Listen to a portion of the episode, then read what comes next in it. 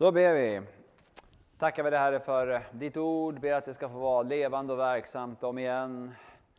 Herre, tack att vi får en hel dag, både härlig gemenskap, vi ska få äta kvällsmat ihop och fira mässa Herre, men också inför ditt ord Herre. Vi ber att du välsignar oss här nu sista passet också Jesus. Amen. Eh, vi har läst igenom en ganska stor del av Saltaren eh, 104. Och eh, det vi har sett då, som jag sa som en, en slags rubrik, är då att eh, salmen börjar med att den här personen sätter sig i knäposition, beracha, välsignelse. Och eh, utifrån att sitta i sin fars knä, närheten, intimiteten, han säger också min Gud, så blickar han sen ut. Och det som den heliga Ande leder honom att, att på något sätt registrera, det är då hur Gud är en mäktig skapare som dels har skapat hela universum till att börja med, men det som kommer fram på så många sätt här, på, på, på ett härligt eh, mångfaldigt sätt, det är just detta med hur Gud också upprätthåller sin skapelse. Han har inte dragit sig tillbaka utan han är närvarande. Det är han själv som uppehåller allt. Eh, och eh, Vi ser det där från vers 25, vi plockar upp där igen. Hur många är inte dina verk, Herre? Med vishet har du gjort dem alla. Jorden är full av vad du har skapat. Där är havet det stora och vida, där är ett oräkneligt vimmel av levande varelser, både stora och små.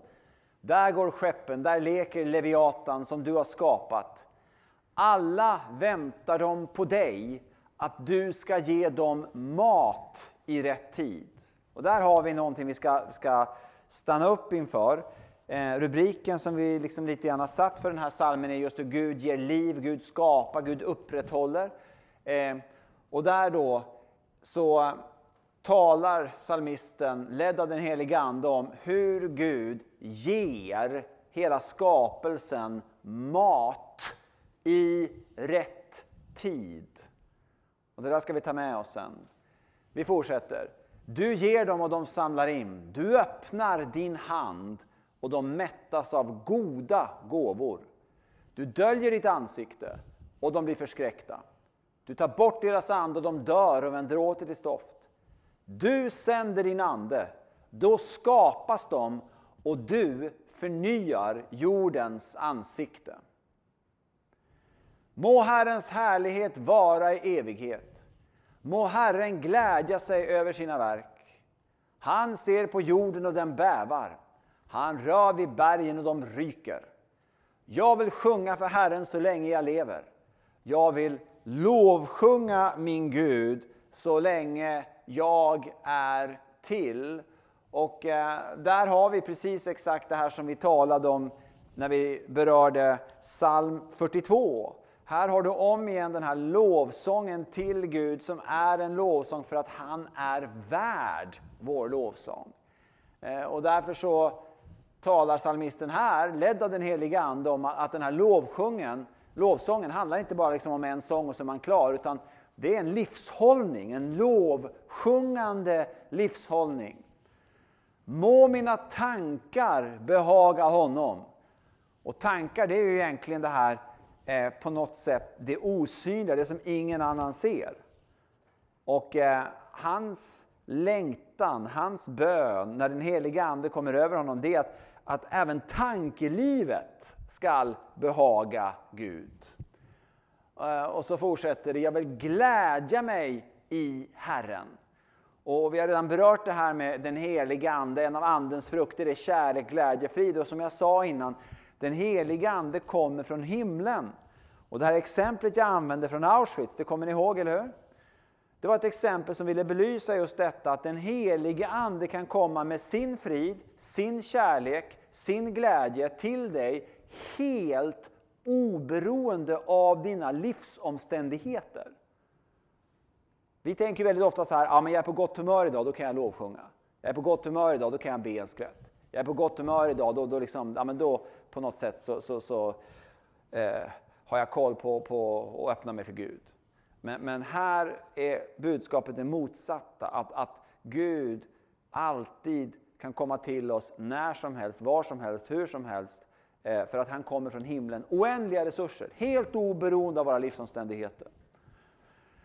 Ehm, må syndare försvinna från jorden och inga ogudaktiga mer vara till.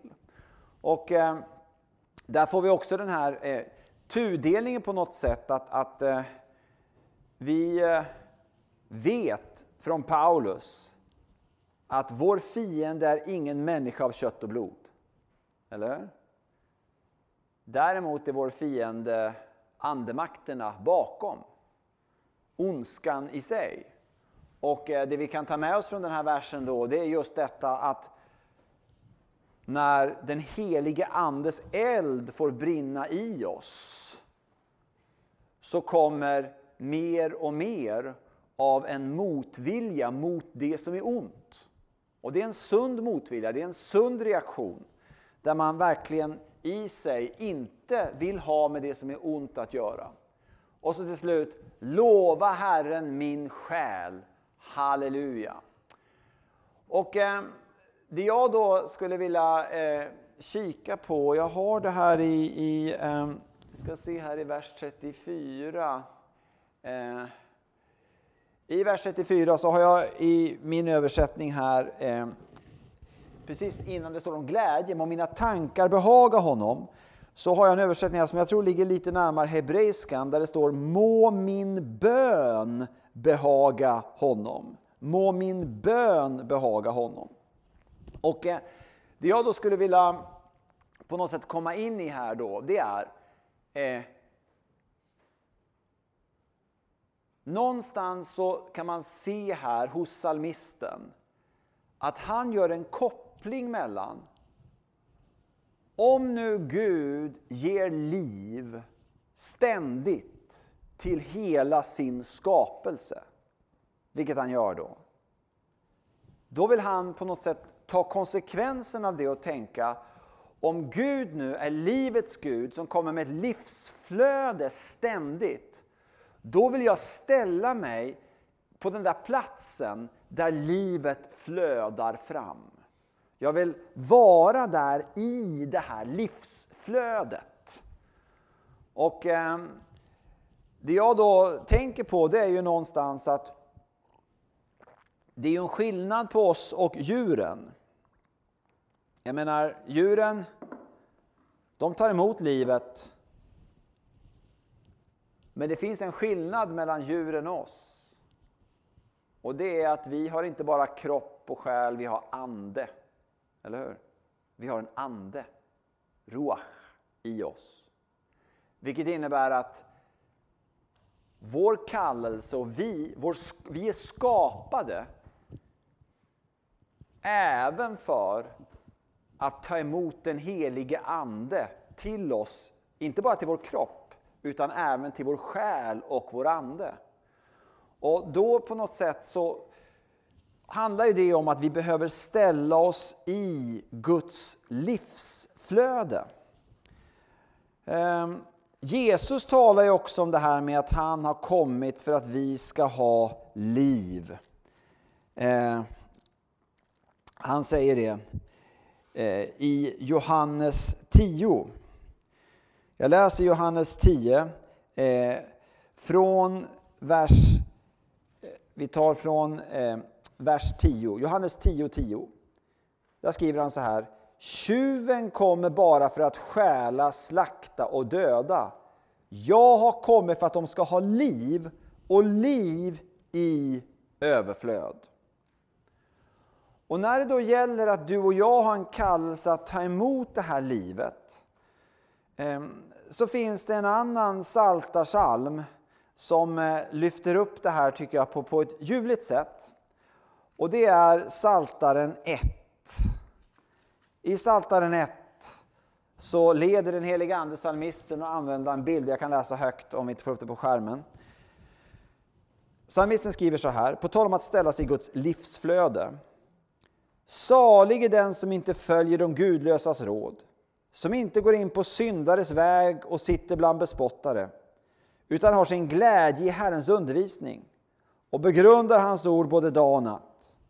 Han är som ett träd planterat vid vattenbäckar som bär sin frukt i rätt tid och vars löv inte vissnar och allt han gör, det lyckas väl. Och här har vi en bild som, som ger oss eh, en djup härlig sanning från Guds ord och vi har redan talat om det flera gånger och det är att det är Gud själv som ger oss liv. Vi är som ett träd, planterade i Guds mylla. Vattnet är där, solen är där och av sig själv kommer frukten.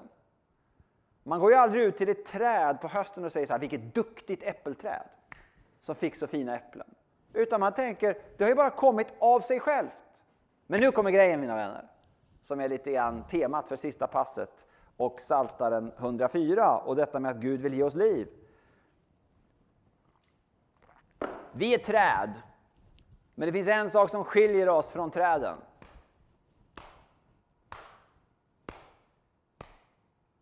Och det är att vi har rötter med fötter. Vi har rötter med fötter. Det var ju så Gud skapade oss. Eller hur? Vi har en fri vilja som gör att vi kan eh, då gå undan från Gud. Han tvingar sig inte på oss. Och ibland tror jag att Gud känner sig som en eh, tennis... Eh, har du sett någon gång på TV en tennispublik? Under Wimbledon någonting, precis. Så tror jag Gud känner sig ofta i mitt liv. Nu gick Hans dit. Hallå Hans, hur är läget? Ska jag ta och komma hit en liten stund? Kan behöva lite. Nej, jag har inte tid nu Gud, jag har så många viktiga saker i livet. Jag har så mycket nu vet du, jag ska göra för dig här så liksom, jag har inte tid att komma till det. Ja, men du ser väldigt trött ut, du börjar se ganska missmodig ut. Och nu börjar du liksom slira ner i, i, i synd här mer och mer. Ska du inte komma hit till mig och få lite förlåtelse? Få lite... Nej, men jag har inte tid nu. Så. Jag vet inte om du känner igen det i ditt liv? Tror du det kan vara så att Gud ibland känner sig som en tennispublik? Han tittar till vänster och tittar till höger. Du har, precis som jag, rötter med fötter. Och så sänker vi inte de här rötterna i Guds mylla. Där vi av nåd ska få liv varje dag. Och på tal om att ställa sig då i Guds livsflöde så är det en vers jag tänkte jag skulle vilja dela med dig. Eh, och eh, Den här versen tror jag verkligen har en enorm, eh, en enorm rikedom. Och det här var ingenting jag kom på mig själv. Jag har ju redan berättat om hur jag mötte Bosse, min andlige far. Och eh, jag fick en instinktiv längtan som jag faktiskt tror var från den helige Ande, även om övertonerna var från mig. Eh, men jag fick en väldig längtan att jag skulle liksom lära mig av Bosse, eh, som har ändå vandrat med Jesus så pass länge. Och därför försökte jag hålla mig så nära Bosse jag kunde varenda dag. Som jag sa innan, 7-8 timmar per dag. Sen stängde han en dörr när jag var på andra sidan. Men jag försökte liksom hålla mig så nära som möjligt. Du vet, hur går Bosse? Vad har Bosse för gummistövlar? Hur kopierar Bosse? Vad äter Bosse för mat? Det gick ju till överdrift, absolut. Jag är helt medveten om detta. Eh, men någonstans förstod jag att, att vänta nu, Bosse har ju, han, han, lever ju ett liv i Kristus. Mitt i att han behöver förlåtelse varje dag och allt är av nåd, så gör han ju det. Han är också en gammal och ny människa, absolut. Jag såg ju efterhand att han inte var perfekt. Det är en chock för varje lärjunge när man börjar märka att min, min, min andlige fader är inte Jesus. Han har Jesus i sig, absolut. Han är en del av Kristi kropp, men han är inte Jesus så tillvida att han är syndfri. Det märker man ju efterhand. Absolut. Men där fanns och där finns ett autentiskt liv i Kristus. Där finns ett, ett, ett, ett träd som, som eh, på något sätt har ett, ett, en livsstil, jag skulle faktiskt vilja säga det, har en livsstil som så tydligt har att göra med att, att man till stor del har sina rötter ner i den där källan så att den där härliga frukten får komma på ett organiskt, nådefullt sätt där Gud bara gör det. Och vad var Bosses hemlighet?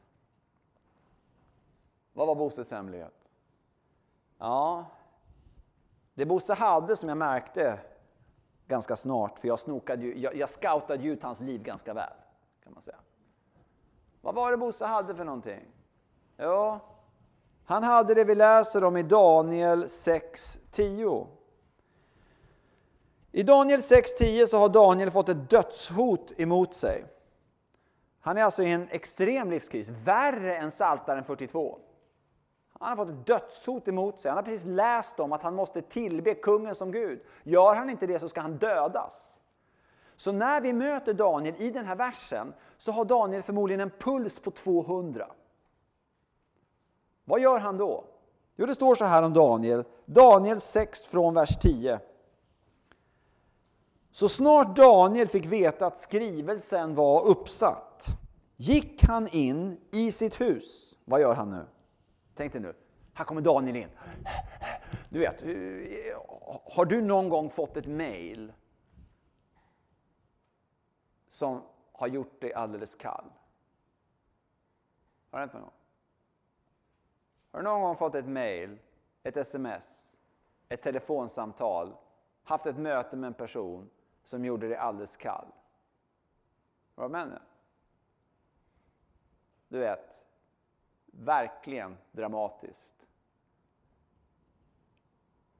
Det är det Daniel har gjort. Så han, han liksom kommer 200 i puls, liksom. stänger dörren. Vad ska han göra nu? Vad ska Daniel göra nu? Vad gör han? Jo, han ställer sig, precis som psalmisten i Psaltaren 104, han ställer sig i livsströmmen. Han ställer sig i livsströmmen. Han petar ner rötterna där det finns vatten. Helt oberoende av omständigheter som vi sa innan. Det står så här.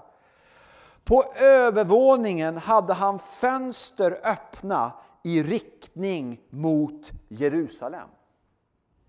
Och ni vet, det här är ganska intressant. Alltså fönster öppna i riktning mot Jerusalem.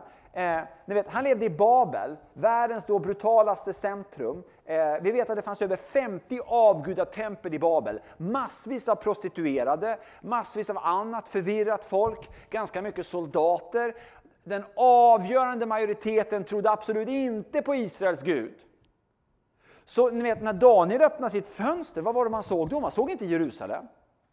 Utan det man såg när man öppnade fönstret, det var ju Babel. Alltså, ni vet, tänk er själva, ungefär som, eh, jag vet inte vad vi ska säga, i Amsterdam, Red Light District eller något sånt där. Det var ungefär så det såg ut när Daniel öppnade sitt fönster.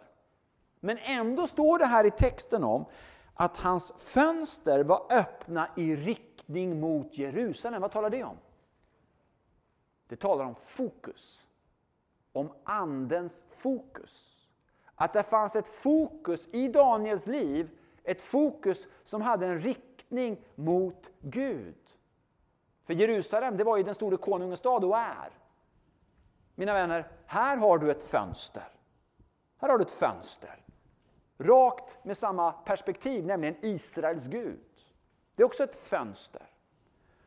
Och så fortsätter texten så här. Där föll han ner på sina knän tre gånger om dagen och bad och tackade sin Gud. Och lyssna nu. Precis som han tidigare brukat göra. Ni vet Daniel han var den näst eller den tredje mäktigaste personen i världens då mäktigaste imperium. Det är ungefär som att vara, vad ska vi säga, vicepresident i USA. Tror du att han har en del på sin kalender idag? USAs vicepresident. Han vaknar väl ungefär nu, för de är ju åtta timmar efter oss. Så han går väl upp, ja han gick säkert upp för en bra stund sedan, nu är klockan 9.08. Han har säkert hunnit med en del redan nu. Kan ni tänka er bara vilket schema? Jag tänker bara det på om vi tycker att vi har mycket i våra liv. Så, så jag tror Daniel hade en hel del. Tror du inte det?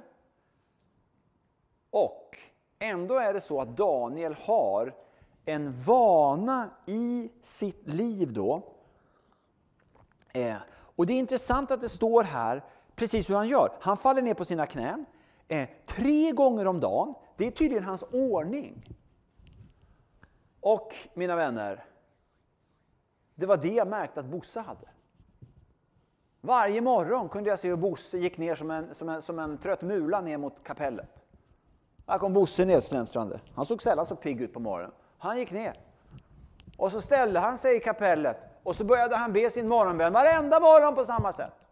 Och nu säger inte jag att man måste göra så, absolut inte. Och jag säger inte att laudes, som det var tidigare, är det bästa sättet att be. Absolut inte. Men, men det som jag tyckte om med hans sätt att be, laudes, då, som jag fortfarande ber nu själv, eh, vad blir det? Eh, håll fast vid det, ja, inte så länge, men det blir ju ändå snart 30 år har jag gjort det. Eh, det är då att, att, att det är samma ordning. Så jag behöver inte tänka, utan jag har samma ordning varje morgon. Man börjar med att hälsa Herren. Jag har redan pratat om det, eller hur? Syndabekännelse. Den vanliga syndabekännelsen som du har i vilken gudstjänst som helst. Sen läser man Guds ord till sig själv. Om vi bekänner våra synder är han trofast och rättfärdig så att han förlåter oss från våra synder och renar oss från all orättfärdighet. Det är Guds ord. Det piggar upp. Eh, jag har ett eget tillägg också, för vi är fria i Kristus. Så man får ha egna tillägg. Vet du vad jag har som tillägg? Jag brukar säga högt, i Jesu namn i Lammets blod. Och det är väldigt bra. Alltså, jag, jag, bor ju ofta på hotellrum och reser mycket i min tjänst och man vet aldrig vad som har hänt i det hotellrummet. Så det kan vara bra liksom att, att plocka på med lite Jesu namn och Lammets blod så, så rensas luften lite grann. Vi känner lite tryck där inne. Så det piggar upp. Va? Det kan pigga upp rent allmänt om du känner att du är under press. kan man säga Jesu namn högt ett par gånger. Det brukar ofta pigga upp. Eh, så jag säger det på morgonen och vet, snacka om botemedel mot nackspärret. Som jag så ofta kan hamna i annars. Att, att den onde liksom kommer på, ibland behöver han inte ens hjälpa till. Jag är så duktig på att förvirra saker själv. Jag är så duktig på att vara negativ i min gamla människa. Jag är så duktig på att själv hitta på massa anledningar till att vara missmodig, till att tycka att jag är sämst bland de, bland de sämsta, till att tycka att, att eh, nu ska jag nog dö av en dödlig sjukdom idag, hitta på en ny, det rycker i näsvingen, ja men det är förmodligen näsan som ska, ni vet någonting va. Varenda dag, jag är oerhört begåvad på att låta den gamla människan ta över. Och just därför är det så fantastiskt att varje morgon få börja med en syndabekännelse och få börja med att proklamera Jesu blod över mig själv. Alltså jag lever inte idag i ljuset av vad jag ska göra för Gud. Jag lever idag i ljuset av vad Gud gjorde för mig, vad Jesus gjorde för mig när han dog för mig på korset. Då kommer inte den onde åt alls på samma sätt med de här anklagelserna och nackspärret och försöka få mig att tro att jag bara har den gamla människan och allt det här tjafset som han håller på med, som jag själv också håller på att förvirra mig själv med. Och sen efter det läser man tre salta salmer. Inte en, inte fem, utan tre. Och är de lite för långa så klipps de av så att de, de är lagom längd. Så det är liksom inte 119 håller ju på ganska många verser.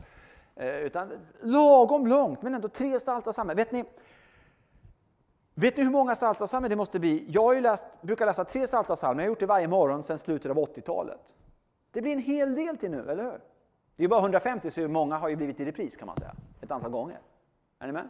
Men det häftiga med Guds ord är att det är levande. Det blir aldrig en repris, utan det blir alltid ett levande nu, ett tilltal. Vare sig jag känner något eller inte, registrerar något eller inte, så är det någonting som Gud planterar i mitt hjärta. Och vet du vad det märkliga är ju, vet du?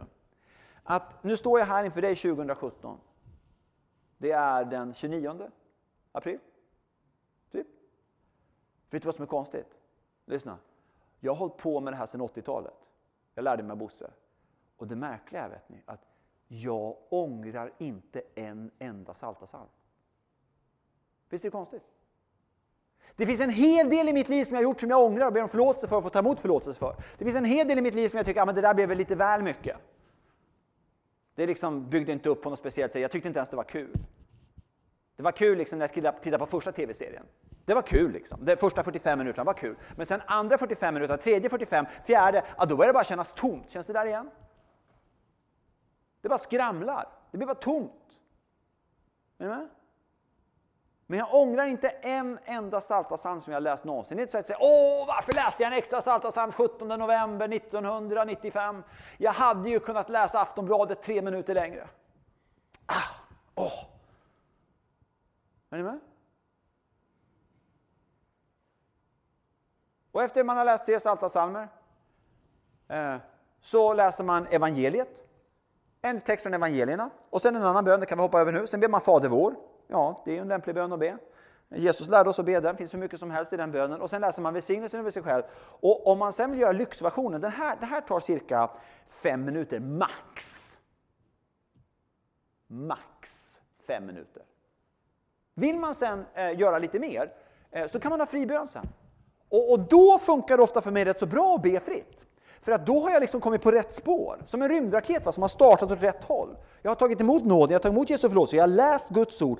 Då, då har jag plötsligt kommit in i rätt fokus. Den nya människan i mig har triggat till och har fått mat. Piggat på sig där på morgonen. Jag liksom kommer upp ur det här missmodsträsket som jag ofta kommer in i på morgonen. Och, wow, nu är någonting. Nu kommer kärlek, glädje, frid. Nu kommer det här från himlens depåer som är helt oändliga. Och då är det ett bra läge att bli fritt.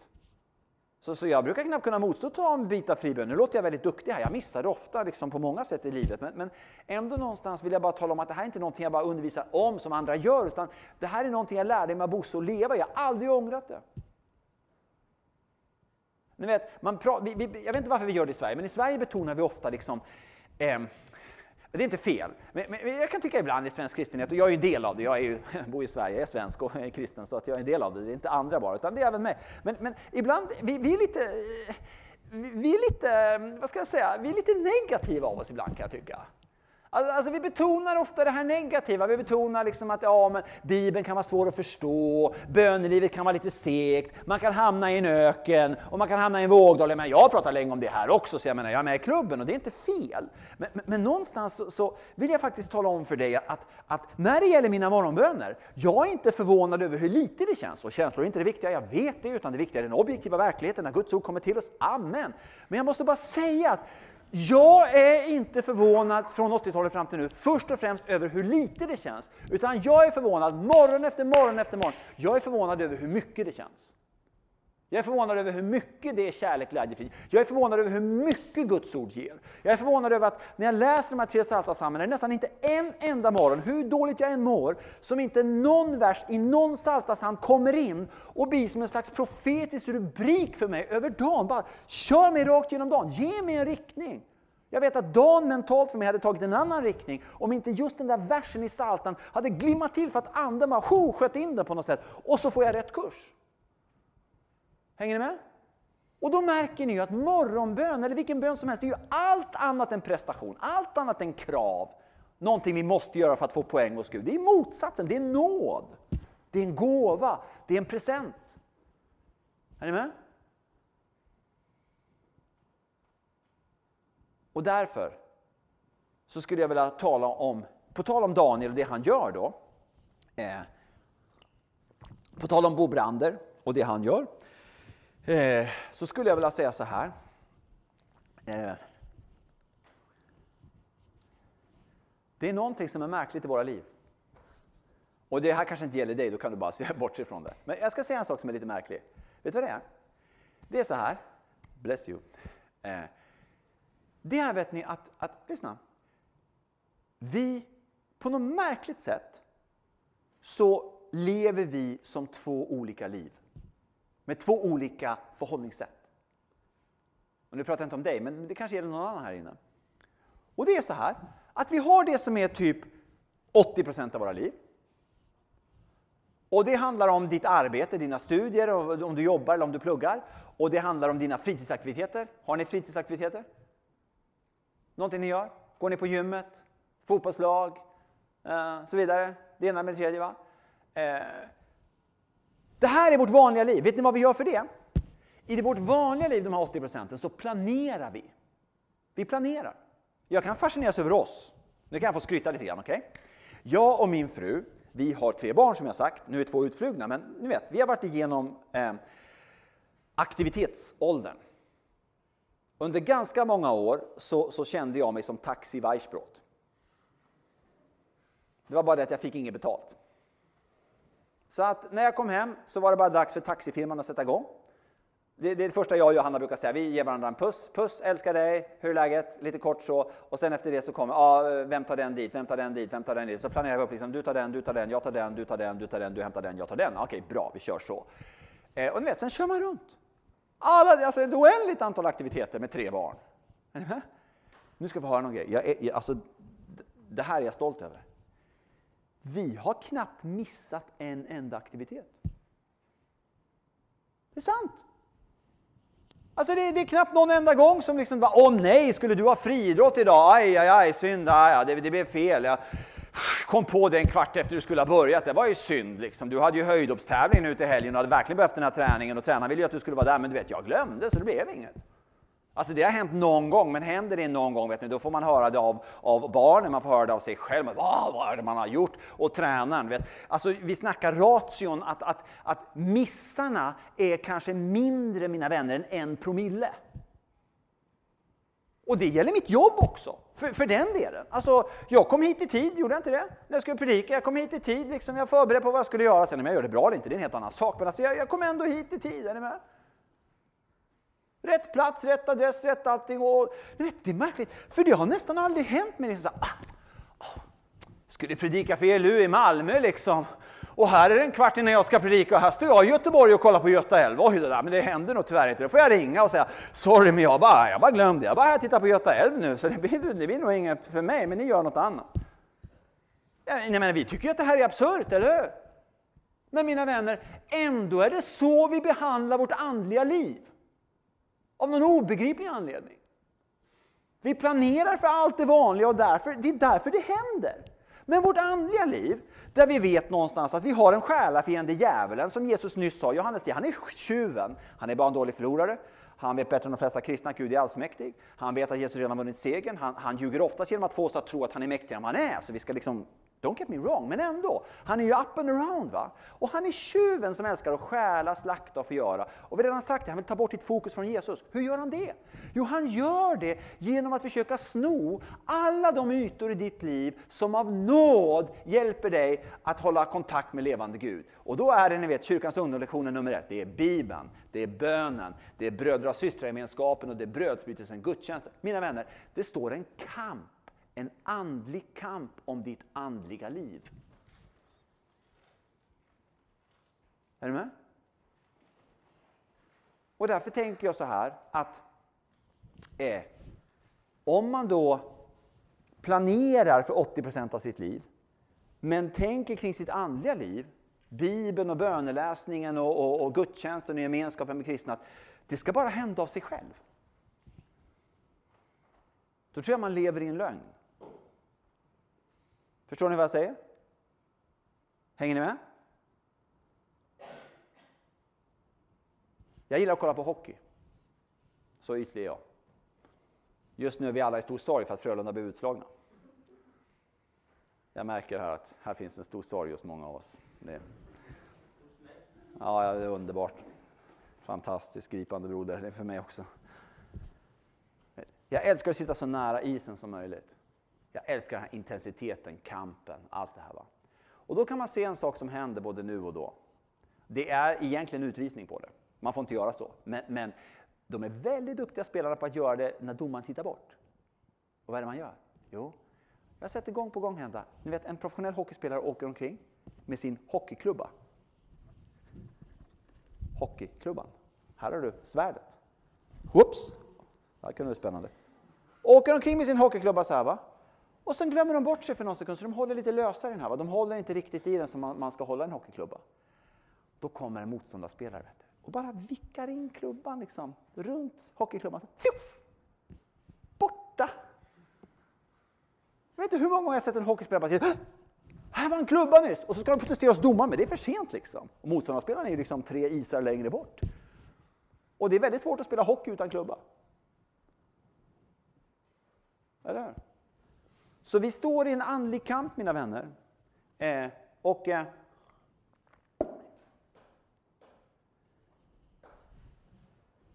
Då tänker jag så här. Att eh, den onde, tjuven.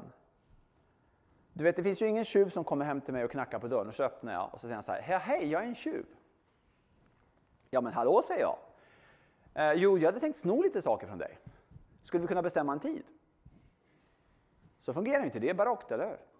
Utan en tjuv kommer när jag inte anar, om det är en bra tjuv, och stjäl det som han inte har rätt att ta. Är ni med? Men nu är det ju ändå som med en tjuv, att om jag kommer hem och det varit inbrott. Säg att jag kommer hem nu imorgon, hem till Göteborg och eh, det hade varit inbrott. Så typ tvn skulle vara borta, alla mina lyxartiklar.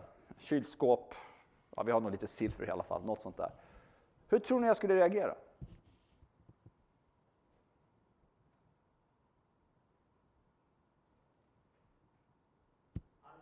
Arg. Upprörd. Eller hur? En tjuv har varit här liksom, och det och det och det. Ni vet, ringa försäkringsbolaget och allt vad det nu är för någonting. Men ni vet den onde, han vill försöka göra någonting som ingen tjuv, vanlig tjuv fixar. Vet ni vad det är? Först snor han så mycket han kan av din bibelläsning, av din bön, av din kontakt med Kristi kropp. Eh, eh, allt det här som han vet ger dig liv. Sen slänger han in en rökgranat med sömngas. Så det blir så här.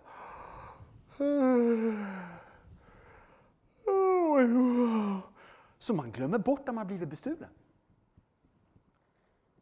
Har du varit med om det här någon gång? Du tänkte så här, idag ska jag ha en bönestund.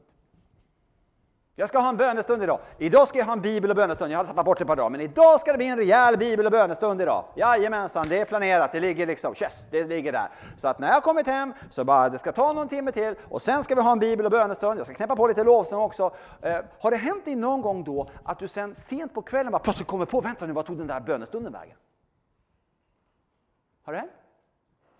Kanske är det mer än bara din glömska. Nu vill inte jag förstå den onde, det har jag redan pratat om, eller hur? Men jag tror att vi måste vara medvetna om att det står en andlig kamp om vårt andliga liv. Att tjuven är där och vill försöka att minimera det här. Men han är bara en dålig förlorare.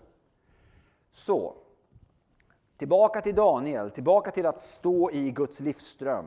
Eh, och det här blir perfekt förresten. Jag tar det här så tar jag Psaltaren 51 som, som skriftet tar på mässan, så det blir jättebra. Hänger ihop allt. Eh, då ska du få höra nu, jag brukar säga så här. Eh, vill du höra två ord som kunde vara fantastiska för dig för att stå i Guds livsström, som alltid bara nåd? Jag brukar säga, med de här två orden så lyfter mötet. Om inte mötet har lyft innan så lyfter de nu. Ordning och disciplin. Var det inte underbart?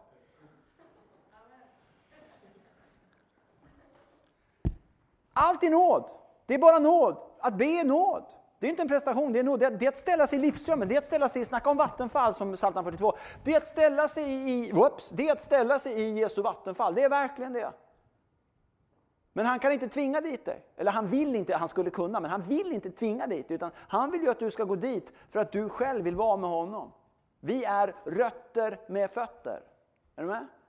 Och, och då, då, du är säkert här som är så andlig så att du fixar här ändå. Du fixar ändå att vara fullt i Jesu frid och ha fullt fokus på Herren och, och, och, leva i tro och undvika synden och allt vad det är. Men, men jag tyvärr märker att det gör inte jag. Bo Giertz sa en gång så här, det heter om att den gamle Adam, den gamle människan alltså, det heter om den gamle Adam att han drunknade i dopet. Men det aset han kan simma. Jag vet inte hur det är med din gamla människa, men mina simborgarmärken. Sant. Jag säger inte det för att låta from. Alltså, det, verkligen. Visa sitt fula tryne för mig varje dag. Och, och vad, vad, vad, är min gamla människa? Jo, ta Guds tio bud och dra dem baklänges. Så får du reda på vad den gamla människan håller på med i mitt liv. Är du med? Ja, kanske inte att jag har ihjäl någon, så att jag liksom går och lägger mig på kvällen och tänker så här, ah, synd att jag hade ihjäl två personer, men, men får ta det till polisen. Nej, men vad är det Jesus säger? Han tar det till lagens maximum i bergspredikan. Han sa, du har hört att det blev sagt, du ska inte mörda, men jag säger dig, den som bara säger morgon, som har en svag förolämpning på den tiden. Alltså det Jesus är ute efter, att, att bara du har något negativt mot din broder, eh, som liksom bubblar upp i ditt hjärta, du har problem. Det där har jag varje dag. Det där visar sig för mig varje dag. Det är därför jag behöver varje morgon ta emot Jesu förlåtelse. Det är inte för att samla fromma poäng, det är inte för att vara duktig, utan det är för att jag behöver det. Det är ett behov. Det är som att ställa sig i duschen. Morgonbön för mig, det är som att ställa sig i duschen. Jag vet inte, gillar du att duscha? Va? Jag gillar att duscha. Är det någon mer än mig som gillar att duscha? Jag tycker ofta det är jättehärligt. Jag älskar en varm dusch. Vi duschar väldigt varmt i vår familj, nästan alla i vår familj. Så folk, gäster som kommer och bor över hos oss blir nästan skållade när de går in i duschen. Men jag tycker det är härligt att duscha varmt. Jag, ni vet, ställa sig i duschen. Det, det är ju inte så att jag tänker innan, åh vilket krav att jag ska gå och duscha idag. Åh, så måste man gå och duscha. Nej, det är något härligt. Tack gode jag får leva i ett land där det finns varmt vatten, jag får gå och ställa mig i duschen. Mina vänner, att be Det är som att vi varje dag får gå och ställa oss i Guds dusch. Det är Guds livsström. Så det jag bara vill tala om för dig det är att jag tror att de flesta av oss behöver inspireras av Daniel, inspireras av Bosse och många andra i kyrkans historia och planera. Hur vill jag att mitt andliga liv ska se ut? Planera, tänka till.